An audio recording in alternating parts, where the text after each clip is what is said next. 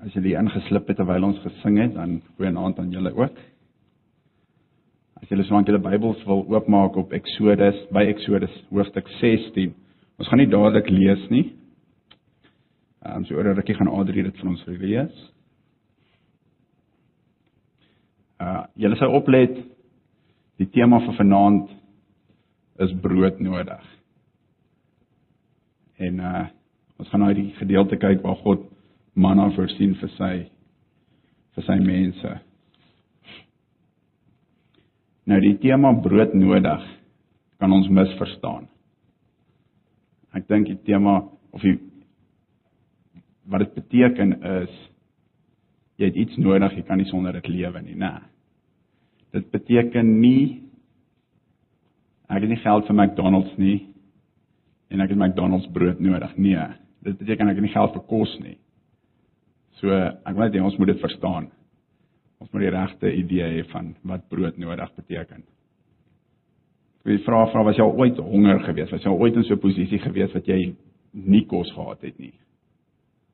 Ek praat nie van jy het jou twee broodjies eintlik by die huis of jou kas is vol kos of so iets. Ek praat van regtig waar niks kos gehad nie. Ek ek was al in so 'n geval in Engeland gewees waar ek nie eens genoeg geld gehad het vir brood nie. Ek het genoeg geld gehad vir spaghetti, dis dit.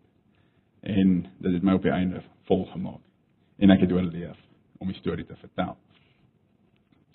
Nou ja, hierdie Israeliete in Eksodus 16. Ek seker van ons almal het al hierdie as dit nie in 'n Sondagskool Bybelonderrig was nie, het ons al een of ander tyd hierdie storie gelees.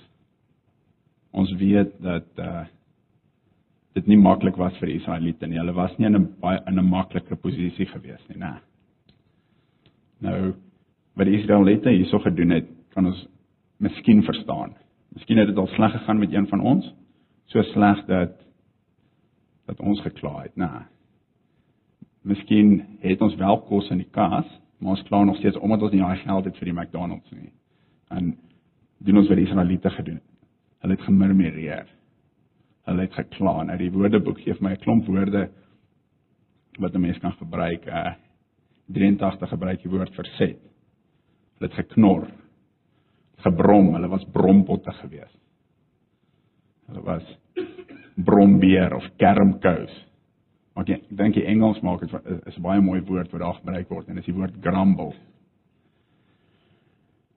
Nou ja, die Here het al hierdie wonders gedoen. 10 wonders en uh die 10 pla. Ek seker of van die jong mense hierso vanaand kan my uithelp en my noem een van die 10 pla. Enige een.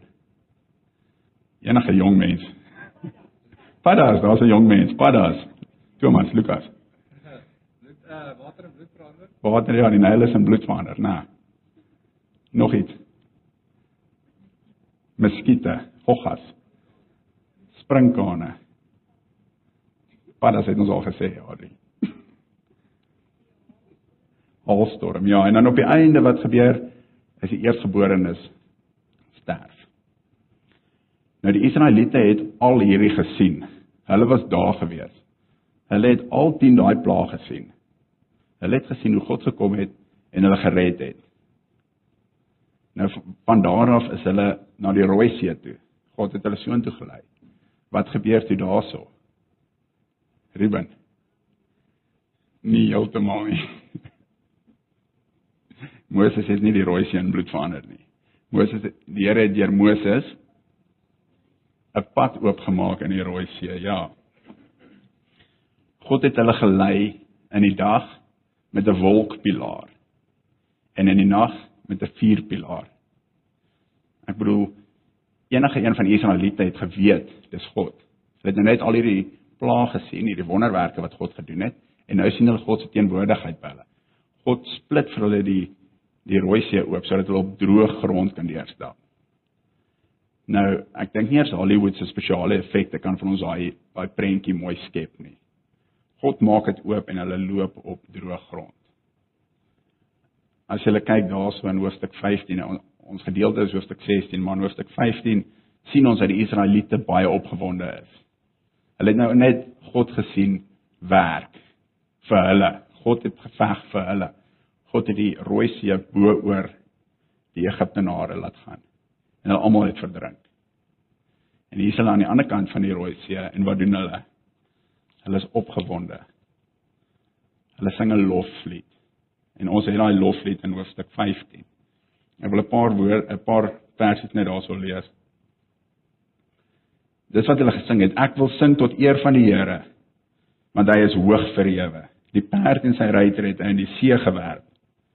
Die Here is my krag en my sterkte en hy het my gered. Hy is my God. Hom sal ek roem. Die God van my Vader. Hom sal ek verhef. Die Here regeer tot in ewigheid.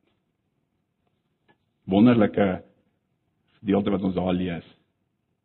Maar 3 dae later 3 dae later hoor ons 'n geluid. Wat is hierdie geluid wat in die woestyn wat ons hoor? Hierdie geluid is die Israeliete wat kla. Dis die geluid wat ons vroeër gehoor het aan die ander kant van die Rooi See voordat God hulle deurgelei het. Selfde ding. Hulle kom by die water aan en hulle kla. Hulle sê ons gaan nou doodgemaak word. Dit is amper asof hulle allergies is as hulle by water kom dan kla hulle. By die Rooi See kla hulle ons gaan doodgaan. In hoofstuk 15 kom hulle by Mara met die bitterwater en hulle kan dit nie drink nie en hulle kla weer. En dis hierdie geluid wat ons hoor Israel wat kla.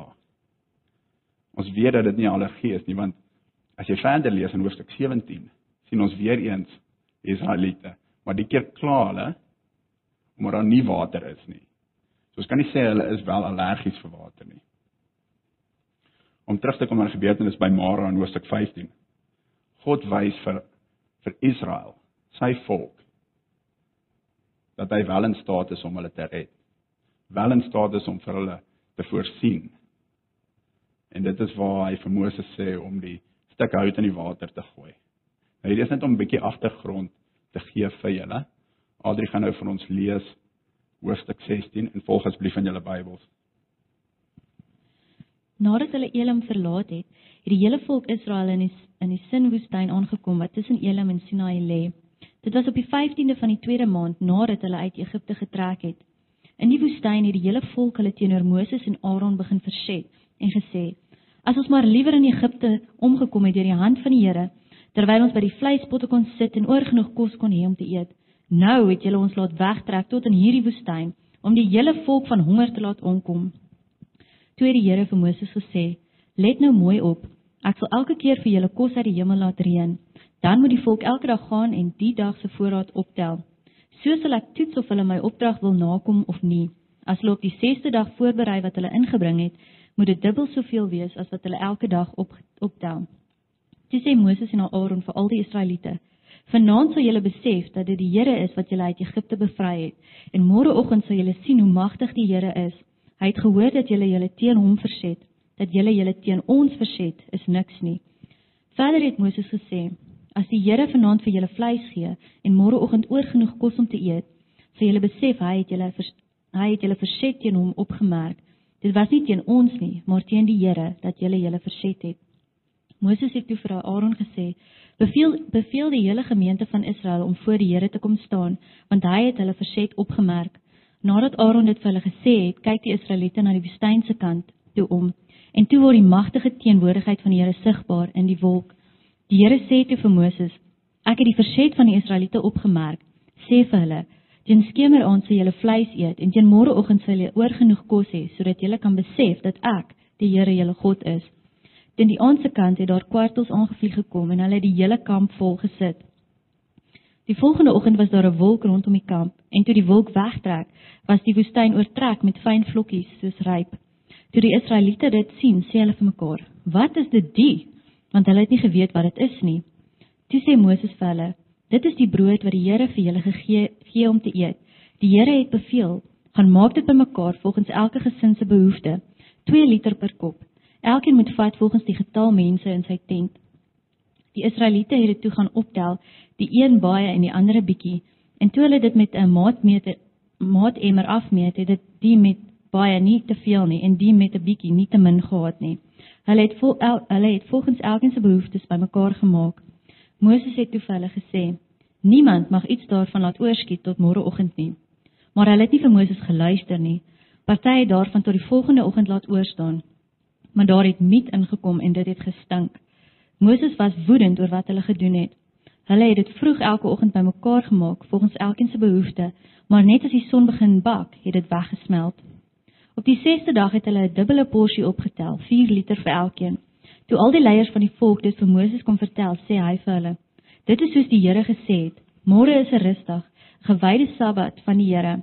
Maak alles gaar, bak wat jy wil bak en kook wat jy wil kook, en wat oorbly nadat jy geëet het, moet jy wegsit en bewaar vir môre." Hulle het dit weggesit tot die volgende oggend soos Moses beveel het, en dit het nie sleg geword of miet gekry nie. Toe het Moses gesê: "Eet dit nou vandag, want vandag is dit die Sabbat van die Here. In die veld gaan julle niks kry nie.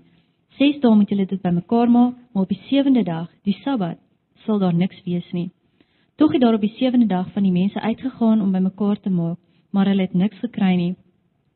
Die Here sê te vir Moses: "Hoe lank gaan julle nog weier om my beveel en opdragte te gehoorsaam?" Ek het vir julle die Sabbat gegee en daarom gee ek vir julle op die 6ste dag genoeg kos vir 2 dae.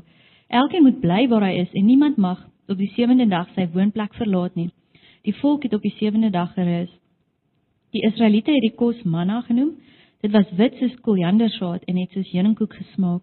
Moses het ook nog gesê: Die Here het beveel, 'n volle 2 liter manna moet vir die nageslag bewaar word sodat hulle die kos kan sien wat ek julle in die woestyn gegee het nadat ek julle uit Egipte bevry het. Moses sê toe vir Aaron: "Vat 'n kruik en gooi 2 liter manna daarin. Sit dit dan voor die Here neer sodat dit vir julle nageslag veilig bewaar kan word." Aaron het die het dit voor die getuienis neergesit om dit in bewaring te hou soos die Here vir Moses beveel het. Die Israeliete het 40 jaar lank manna geëet. Hulle het dit geëet totdat hulle by bewoonde gebied bereik het, tot hulle by die grens van Kanaan gekom het. Die 2 liter maat waarna waarmee die manna afgemeet is, was 1/10de van die standaardmaat. Baie dankie. Uh ek seker van julle het opgelet in die eerste vers word daar genoem dat dit 1 maand is nadat God sy volk gered het uit Egipte uit. Um die 83 sê die 15de van die tweede maand. En as jy nou hoofstuk 12 vers 2 gaan kyk en jy sien hoe dit sin maak dat dit 'n maand is nadat God sy volk gered het. Dit is belangrik om dit te onthou om dit raak te sien en ons gaan net nou terugkom daarna toe in die laaste maand wat nou verby is, hierdie 30 dae,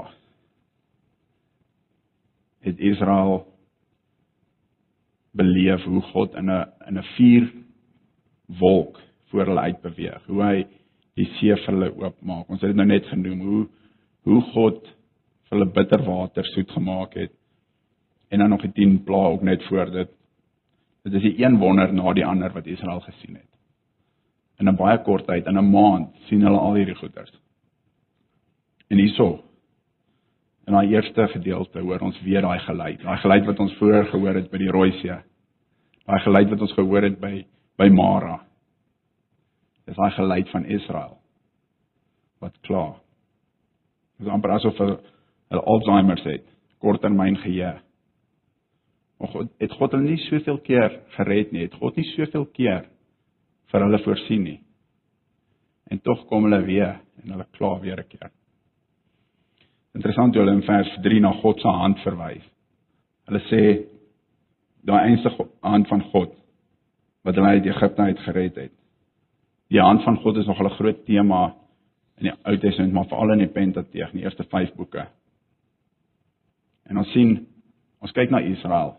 Wat sien ons? Ons sien 'n volk wat se oë gerig is op Kanaan maar hulle harte is nog terug in Egipte. Hulle kyk vorentoe, hulle wil Kanaan toe gaan, maar hulle hou, hou aan terugdraai. En hulle harte is nog steeds in Egipte. God het hulle gered. Hulle was elke keer bly as God hulle gered het. Ons het self net nou die loflied 'n deel van die loflied gehoor wat hulle gesing het. Luister na 'n ander gedeelte. Hoofstuk 15 vers 6. O Here, u regterhand is verheerlik deur krag. U regterhand o Here verpletter die vyand. En ook in vers 17. U hande Here het 'n gewyde plek gereed gemaak. Nou nou sê die volk iets anders. 30 dae later sê hulle maar die Here se hand moes moes ons maar liewers doodgemaak het daarso in Egipte waar ons was. Daar waar ons meer as genoeg kos gehad het. O regtig Israel. Het alles goed gegaan daarso in Egipte? Lees bietjie hoofstuk 1. Daar sien ons hoe Farao die Israeliete laat werk het so slawe.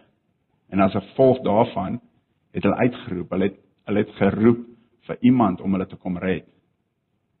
In Hoofstuk 2 vers 23 sien ons waar die Israeliete gekreun het onder die swaar werk. Hulle het gesoebat dat iemand hulle moet kom red. Hulle is baie skyn heilig. Hulle maak asof hulle 'n baie goeie lewe gehad het in Egipte. Nou hulle kom na Moses en Aaron toe en hulle sê: "Ag, dit het goed gegaan daarso." Hulle praat van die vleispotte. Maar weet jy wat vergeet hulle? Hulle vergeet dat hulle eie kinders voor hulle oë doodgemaak is.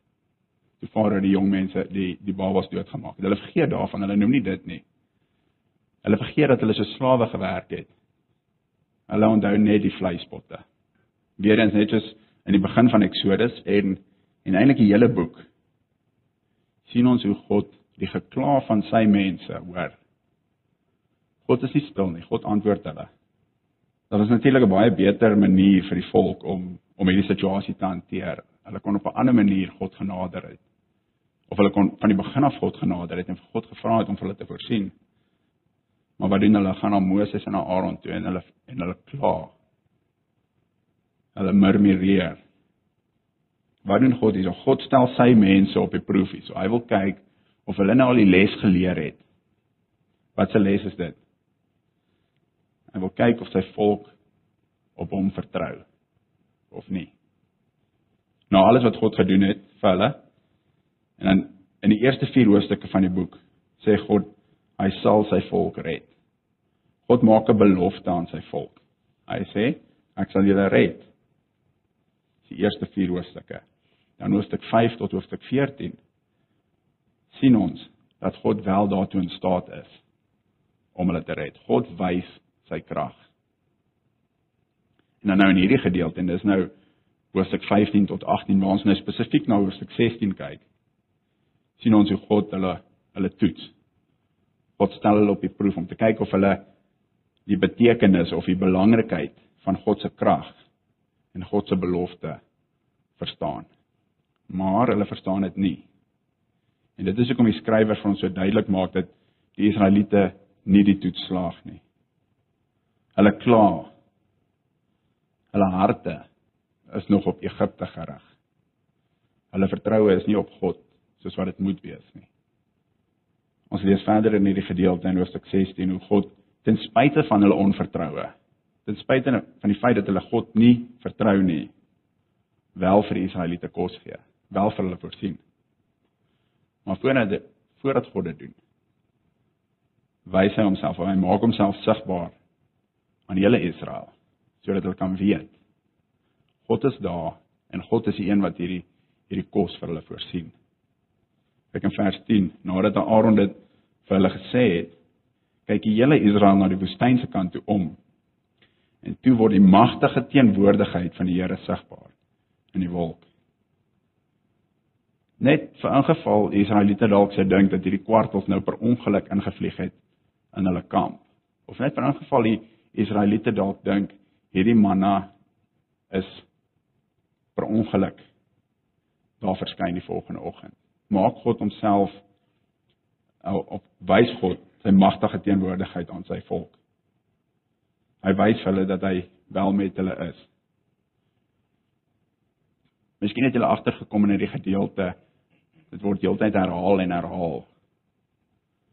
Esra of, of God sê ek gaan vir julle kos gee, ek gaan vir julle kos gee. Ek gaan vir julle voorsien. Nou hoekom sê die skrywer dit oor en oor? Hoekom sien ons heeltyd ek gaan vir julle kos gee en dan sê God vir Moses ek gaan vir hulle kos gee en dan sê Aaron vir die mense God van gaan vir julle kos gee?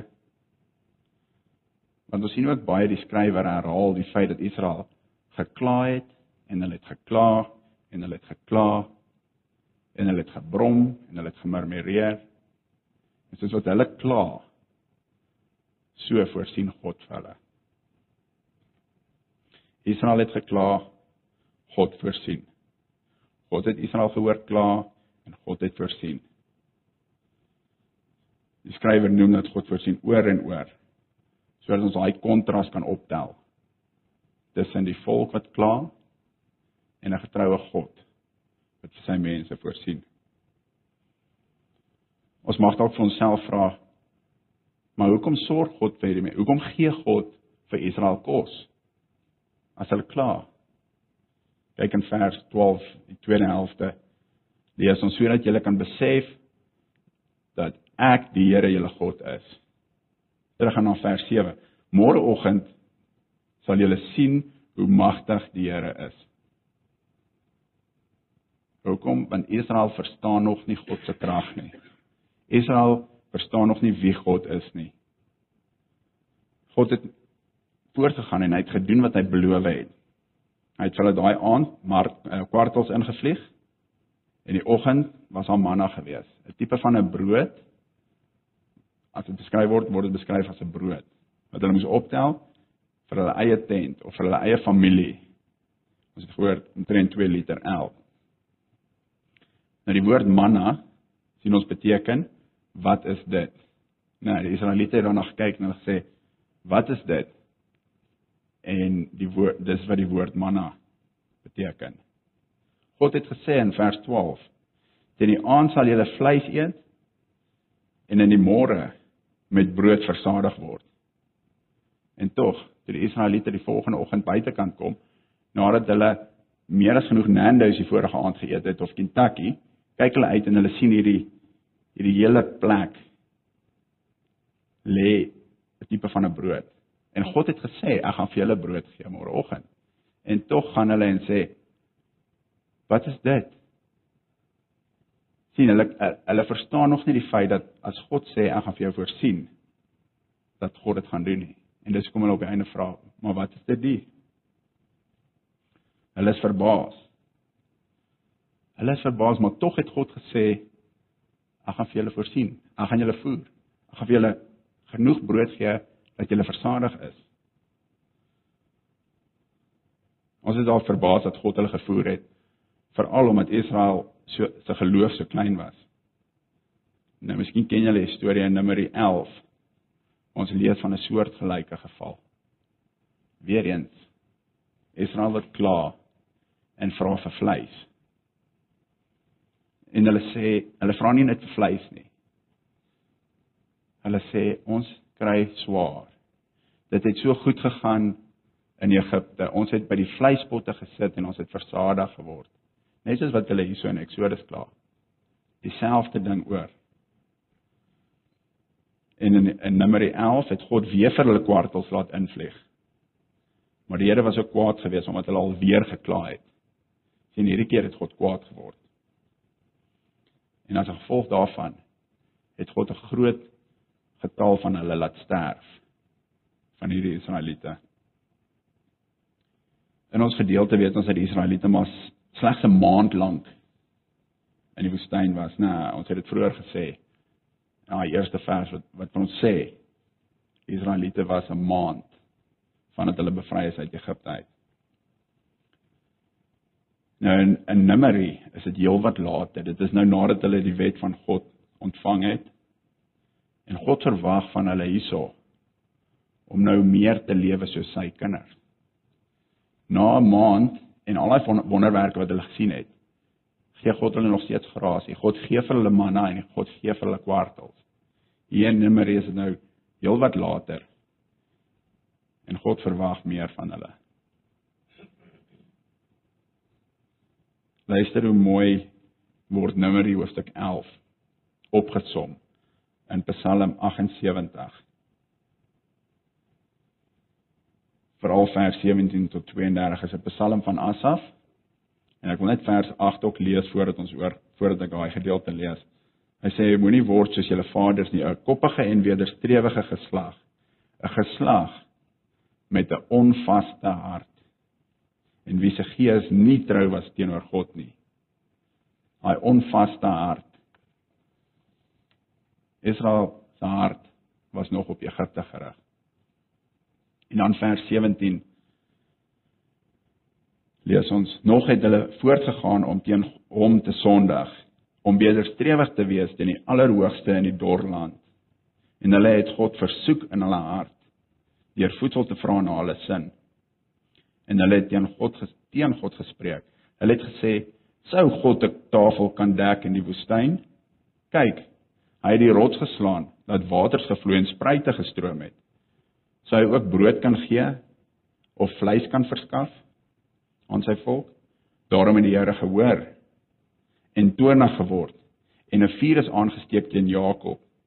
En toorn het ook opgegaan teen Israel omdat hulle God eh, nie in God geglo het en op sy hulp nie vertrou het nie. En hy het aan die wolke daarbo bevel gegee en die deure van die hemel is oopgemaak en hy het manna op hulle laat neerreën om te eet en uit koring van die hemel aan hulle gegee. Mense het die brood van engele geëet. Hy het hulle volop padkos gestuur. Hy het die ooste wind laat uitbreek aan die hemel en die suidewind deur sy sterke sterkte aangevoer. En hy het vleis soos stof op hulle laat reën en gevleelde voëls soos sand aan die see. En hy het dit binne in sy laar laat val rondom sy wonings. Toe het hulle geëet en ten volle versadig geword en hulle begeerte het hy bevredig. Hulle was nie weg van hulle begeerte nie. Hulle voedsel was nog in hulle mond weet toe die toorn van God teen hulle opgegaan het en hy 'n slagting onder hulle kragtige manne aangerig en die jong manne van Israel neergewerp het. Ondanks dit alles het hulle verder gesondig en nie aan sy wonders geglo nie. Dis Numeri 11 opgesom in die Psalms. Wat daar gebeur het is Israel het weer eens gevra. Ons soek vleis. Ons is nie tevrede met manna nie. Ons is nie tevrede met hierdie brood wat God vir ons voorsien nie. En dis dis 'n baie interessante hoofstuk. Ehm uh, dit sal goed wees as jy huis toe gaan en dit lees vanaand, veral nadat ons na Eksodus 16 gekyk het. Die Here het kwartels laat invlieg en hulle het 'n meter hoog gelê in die kamp. Die Here het gesê, ek gaan vir julle vleis gee en julle gaan dit eet totdat julle totdat dit by julle neuse uitkom. En dis wat gebeur het. 'n Meter hoog het die kwartels in daai kamp gelê. En weet julle wat? Elke gesin of elke tent het amper 'n ton gaan optel vir homself vir hulle self. amper 'n ton. Dis as 'n kwartel 'n kilogram weeg, is dit 1000 kwartels wat hulle in hulle tent. Ek glo nie hulle tent kon 1000 kg uh, 1000 kwartels huisves het nie, of hulle kon dit nie daar gebeere het nie. En dit is hoekom God gesê het, julle gaan vleis eet tot julle versadig is. Genoeg gesê daarvan. Terug in Eksodus 16 vers 22 sien ons hoe die mense elke dag uitgegaan het om die manna op te tel behalwe vir daai een dag in die week, behalwe vir die Sabbat. Hulle moes die dag voor die Sabbat genoeg optel, 'n dubbelmaat optel, sodat hulle die Sabbat nie wyte gegaan het nie. Vroeger in die gedeelte was daar van die gierige mense gewees en julle sal onthou ons nou net gelees het van die gierige mense wat ekstra opgetel het. Sien hulle wou soveel as moontlik bymekaar maak sodat hulle die volgende dag nie op God hoef te vertrou nie. En wat het gebeur? Hulle leer op 'n harde manier daar kom wurms en miet en die manna begin stink. God wou gehad het Israel moet elke dag elke oggend op hom vertrou om vir hulle te voorsien. Nou party mense sê dat die manna 'n doodgewone ding was wat in die woestyn gebeur het. Ehm um, hulle sê dit was nie 'n wonderwerk gewees nie. Hulle sê dit is een of ander tipe dou wat opgekom het en en jy dit gaan haal Nou ek wil nie te veel tyd daaraan spandeer nie. Ek dink hierdie gedeelte maak dit baie duidelik vir ons dat God 2 liter per persoon omtrent gegee het. Oor genoeg vir die mense gegee het vir 600 000 gesinne. En dan een dag in die week was daar niks nie. Die gedeelte sê die mense het uitgegaan op die Sabbat om te gaan optel jy weet miskien net 'n bietjie ekstra te gaan bymekaar maak, maar wat wat het hulle gekry toe hulle buite kom? Niks nie. So dis 6 dae van die week was dit daar in die 6de dag was 'n dubbel porsie, so dubbel so so dik gelê of was dubbel soveel gewees. Ek dink dis duidelik genoeg dat hierdie 'n wonderwerk was, dat dit wel God is wat vir sy mense voorsien het. Hierdie is die eerste keer wat ons met die Sabbat te doen kry. In die sin dat dis die eerste keer wat wat Israel die Sabbat moet hou. Dis God wat sy volk gereed maak vir die wet wat hulle later gaan ontvang. Uh dis die wet wat ons sien in Eksodus 20 en aan. Dis die voorsmaak van die ewige rus wat ons aan in Jesus vind. God voed nie net sy mense nie, maar hy leer hulle sommer 'n les. Hy leer hulle om gewoon te raak aan aan hierdie nuwe ding wat hulle moet moet begin doen binnekort. Hy kry hulle as te ware gereed. As jy die ou vertaling lees in vers 4 sê die Here vir Moses: "Kyk, ek sal vir julle brood uit die hemel laat reën." Daai brood uit die hemel, dit is God het na die manna verwys as brood uit die hemel. Hy het dit nie manna genoem nie. Die mense het manna genoem want hulle het nie geweet wat dit was. God het geweet wat dit was. Hy het dit juist daar vir die Israeliete gegee. God het na die kos verwys as brood uit die hemel. Die Israeliete, soos ek sê, het dit het dit manna genoem. Nou Johannes 6 verduidelik dit vir ons en en ek weet Jakobus gaan volgende week oor Johannes 6 preek.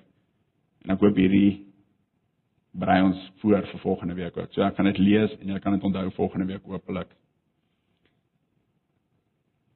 Johannes 6 vers 31 tot 58. Ek gaan net so hier en daar 'n deel lees. Ons Vader het die manna, ons vaders het die manna in die woestyn geëet, soos geskrywe is. Hy het brood uit die hemel aan hulle gegee om te eet. En Jesus sê vir hulle: "Voorwaar, voorwaar ek sê vir julle, dit is nie Moses wat die brood uit die hemel aan julle gegee het nie, maar my Vader gee julle die ware brood uit die hemel. Want die brood wat God, van God is hy wat uit die hemel neergedaal en aan die wêreld die lewe gee." Dis sê hulle vir hom: Here gee ons altyd hierdie brood en Jesus sê vir hulle ek is die brood van die lewe. Wie na my toe kom sal nooit honger kry nie en wie in my glo sal nooit dors kry nie. Toe murmureer die Jode waarom omdat hy gesê het ek is die brood van die hemel wat uit die hemel neergedaal het en hulle sê is hy nie Jesus die seun van Josef wie se vader en moeder ons ken nie Hoe sê hy dan ek het uit die hemel neergedaal? En Jesus antwoord en sê vir hulle: Moenie onder mekaar murmureer nie. Niemand kan na my toe kom as die Vader wat my gestuur het hom nie trek nie. En ek sal hom opwek in die laaste dag. Gaan aan en hy sê voor waarvoor waar ek sê vir julle, wie in my glo, het die ewige lewe. Ek is die brood van die lewe. Julle vaders het die manna in die woestyn geëet en hulle het gesterwe. Dit is die brood wat uit die hemel neerdal sodat iemand daarvan kan eet en nie sterwe nie. Ek is die lewende brood wat uit die hemel neergedaal het. As iemand van hierdie brood eet, sal hy lewe tot in ewigheid.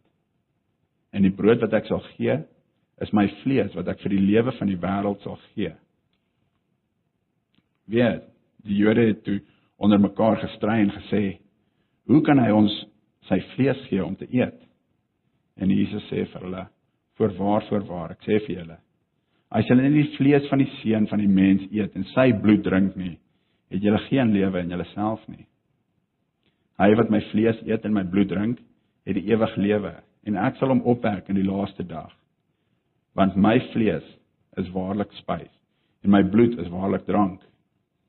Wie my vlees eet en my bloed drink, bly in my en ek in hom. Soos die lewende Vader my gestuur het en ek deur die Vader lewe, so sal hy wat my eet ook deur my lewe. Dit is die brood wat uit die hemel neergedaal het. Nie soos julle vaders die manna geëet het en gesterwe het nie. Wie hierdie brood eet, sal tot in ewigheid lewe daar's dit Jesus self wat wat praat van hierdie gebeurtenis in Eksodus 16. En hy sê vir ons hy is die ware manna. Hy is die brood van die lewe, die lewende brood. Hierdie gedeelte praat vir homself en kan nie regtig veel sê nie behalwe dat behalwe dat ons net kan uitlig dat dat Jesus se liggaam daar op Golgotha was wat vir ons lewe gee. Ons herinner onsself elke keer wat ons die nagmaal neem. Praat ons van sy liggaam wat vir ons gebreek is. So ek wil sê ons het hom brood nodig. Ons het Jesus brood nodig. Net soos die Israeliete sou sterf as God nie vir hulle voorsien het nie. As God weggedraai het van hulle af, sou hulle sterf van honger. Net so is ons as ons nie Jesus aanvaar as die lewende brood nie. Die brood van die lewe. En dis wat hy sê. Ek het vroeër gepraat van die Israeliete wat hulle hulle oë op Kanaan het en hulle harte nog op Egipte gerig gerig is. En ek dink as 'n Christen kan ons onsself sien in ons eie pelgrimstog en ons eie paadjie wat ons wandel in ons eie lewe as 'n Christen. God kom en God red ons. God rig ons oë op Kanaan. Ons sien ons sien die hemel, ons lewe vir die hemel. Ons lewe vir die ewige lewe. Maar wat gebeur? Ons is net soos die Israeliete. Ons is besig om in daai rigting te kyk. Ons is besig om daai kant toe te stap. Maar ons harte draai terug terug na Egipte toe. En ons almal het 'n verskillende Egipte gehad. Egipte is waar God nie geheers het. Waar ons gevange was onder iemand anders. En ons hou aan terugkyk. Ons hou aan verlang na daai vorige lewe. Ons hou aan verlang na die sonde wat ons gedoen het, die die tye wat wat ons lekker gelewe het in in lekker in wêreldse standaarde. Ons oë is gerig op op Kanaan, op die hemel, maar ons lewe nog steeds met ons harte heeltyd terug na ons Egipte toe. Jesus het ons gered. As jy 'n Christen is hierso vanaand, het Jesus jou gered. En ons is dan kinders van God. Maar ek wil vir ons sê, ons het nog steeds Jesus brood nodig. Ons ons siel kan nie lewe sonder Jesus nie. Hy is Jesus is die manna van ons siel. Ons siel kan nie lewe sonder Jesus nie. Sonder hom is ons klaar dood. God red ons deur van ons lewende brood te gee. Ons lewe dalk as 'n Christen en ons dink maar God het my gered en ek is okay. Ons weet net net soos die Israeliete nie kon lewe as God nie vir hulle brood gegee het nie. Net soos wat die Israeliete elke oggend moes van brood kry, net so het ons Jesus elke dag nodig. Kyk, Jesus kan lewe sonder ons. Hy het ons nie nodig nie, ons het hom nodig. Ek, jy het nie lewe as ons nie hierdie ware brood uit die hemel het nie. Hierdie wat Jesus homself die ware brood noem, die lewende brood, die brood van lewe. Ons kan elke dag lewe soos wat ons wil. Ons kan dalk nog 'n dag of twee lewe sonder sonder brood en water. Maar ons kan nie 'n oomblik lewe as 'n Christen veral sonder die ware brood en sonder die ware water nie. Ons kan nie. Sonder Jesus is daar geen lewe nie. So selfs om te sê ons het Jesus brood nodig is om Engels te gebruik as 'n understatement. As ons sê ons het Jesus brood nodig, is dit selfs nog 'n understatement. Ons het nog meer as brood nodig. Nodig meer as brood. Die vraag wat ons moet vra is dit: Lewe ek, lewe jy elke dag van die ware brood? Lewe ons van die ware brood of het ons al die ander goed wat ons vanaf lewe? Al die wêreldse goed. Lewe ons van daar of lewe ons van die ware brood? Besef ons dat Jesus meer nodig, dat ons Jesus meer nodig het as 'n voertuig, as 'n huis, as geld en selfs as 'n maaltyd? Besef ons dit? En nou is die vraag, as jy sê ja, ek besef dit, dan wil ek uitdaag myself uitdaag. Lewe ons so? Lewe ons so dat dit wys dat ons besef dat ons Jesus meer nodig het as as kos. Meer nodig het as as die basiese goederes in hierdie lewe.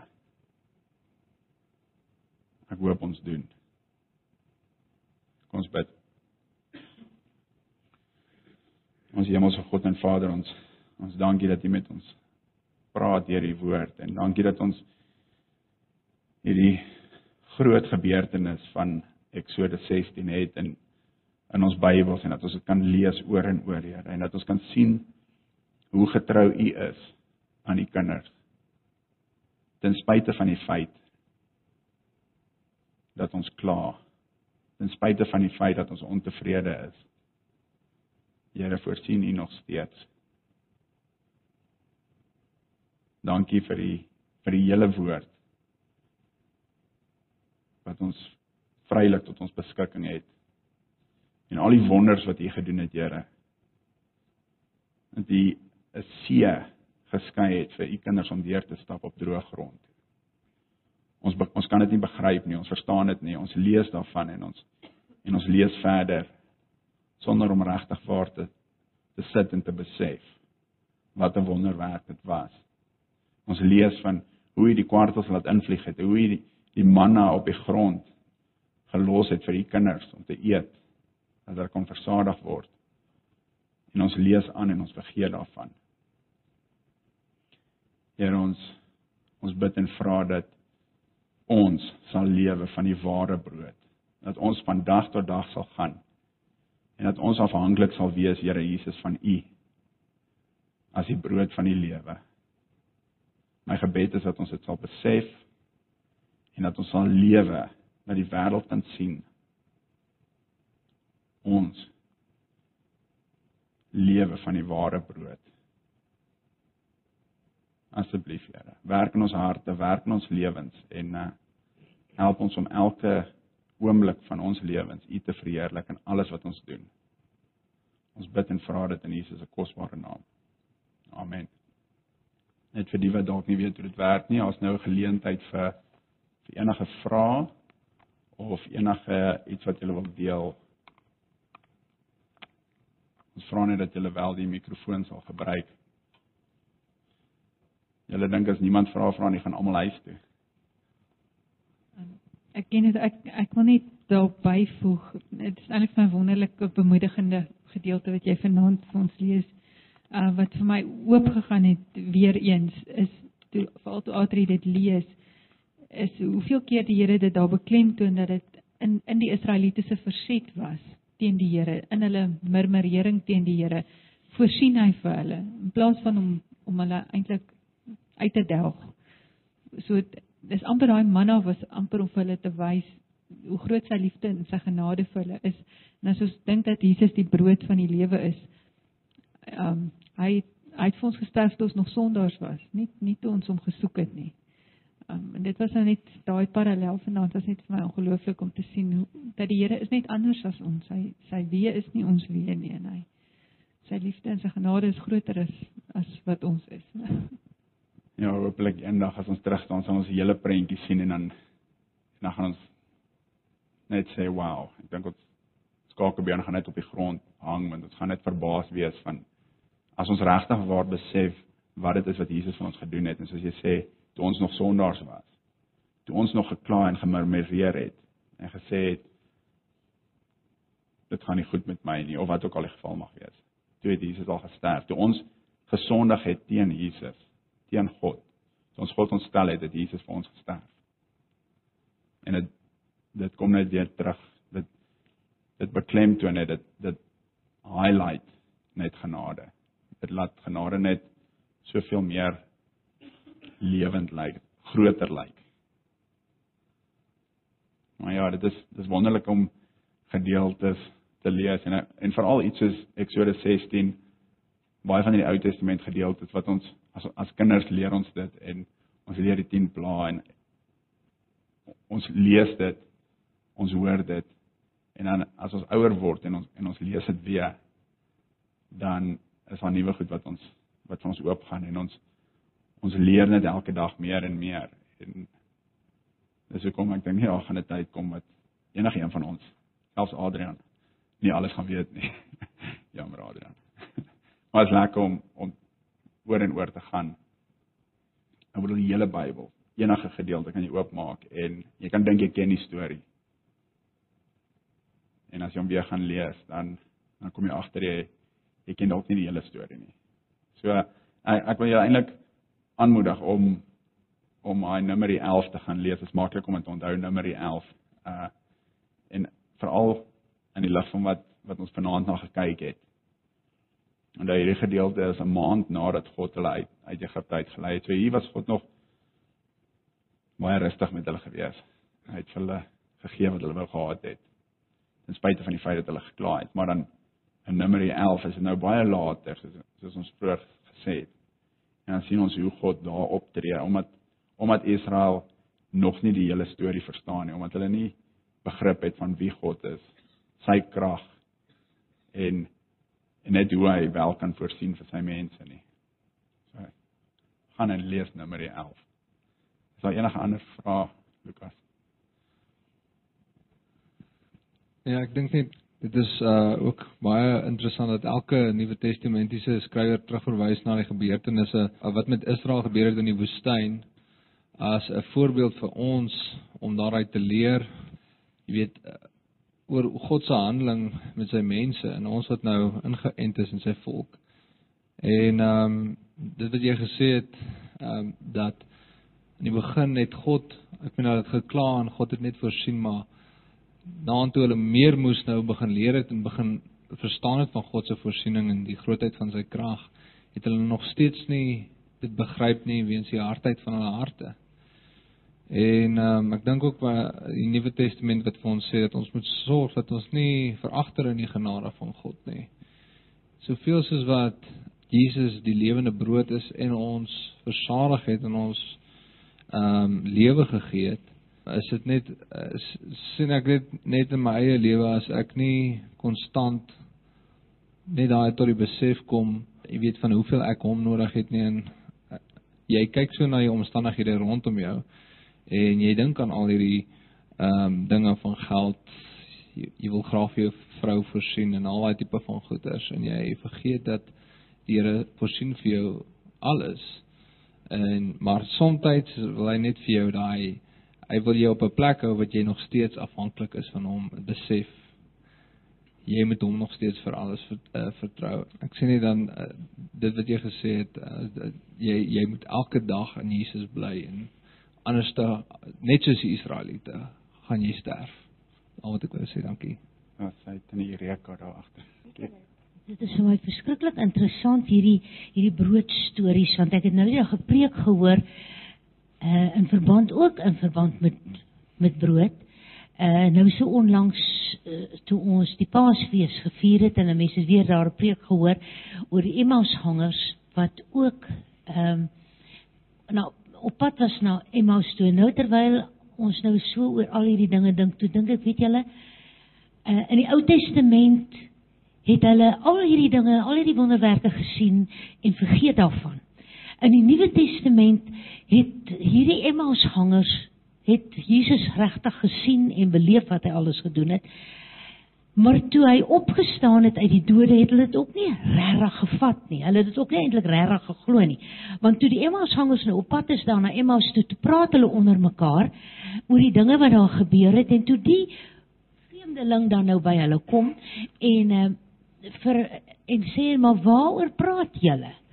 Toe sê hulle, maar is u dan nou 'n vreemdeling in Jerusalem dat u nou nie uh, van al die dinge weet nie? En Uh, hulle vertel vir hom sê die ergste van alles is dat daar nou vroue gekom het en gesê het dat Jesus opgestaan het uit die dood en um, en hulle is nou baie ontstel. Hulle glo nie eers dit wat die vrouens sê nie.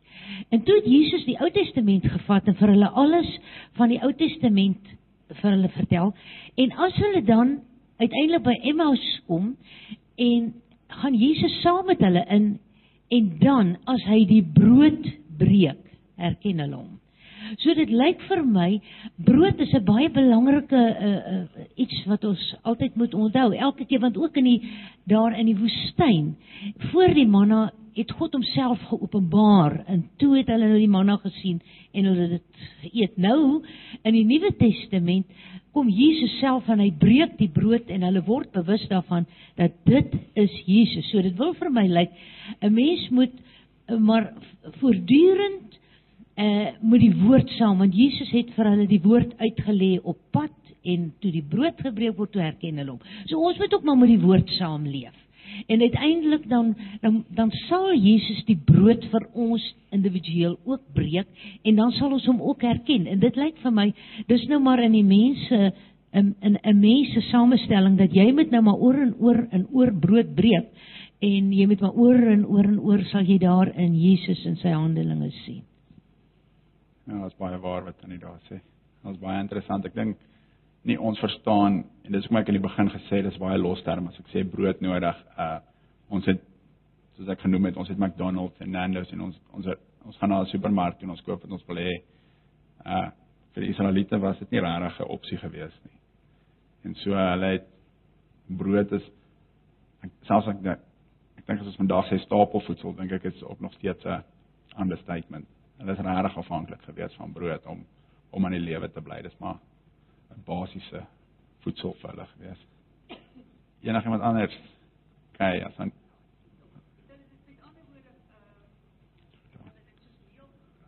Ehm um, die manna. Gaan lees Numeri 11 of is dit 12?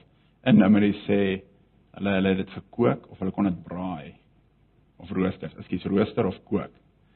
So ek gemaal ja, hulle het dit gemaal en dan ge gerooster of gekook. Ek weet nie, dit kon dalk 'n tipe van 'n koring soortgelyke ding gewees het. Ek weet nie, ek sal eendag Moses vra as ek hom sien. o ja, ons kan ons kan sien daar mag dalk nog 2 liter wees wat uit die ark uitkom, so wat in daai goue houertjie is. Daar kan ons almal daarvan proe. okay, Thomas lag lekker. Ehm um, tyd nou vir koffie en koekies wat vir ons soos brood is. Lekker aan verder.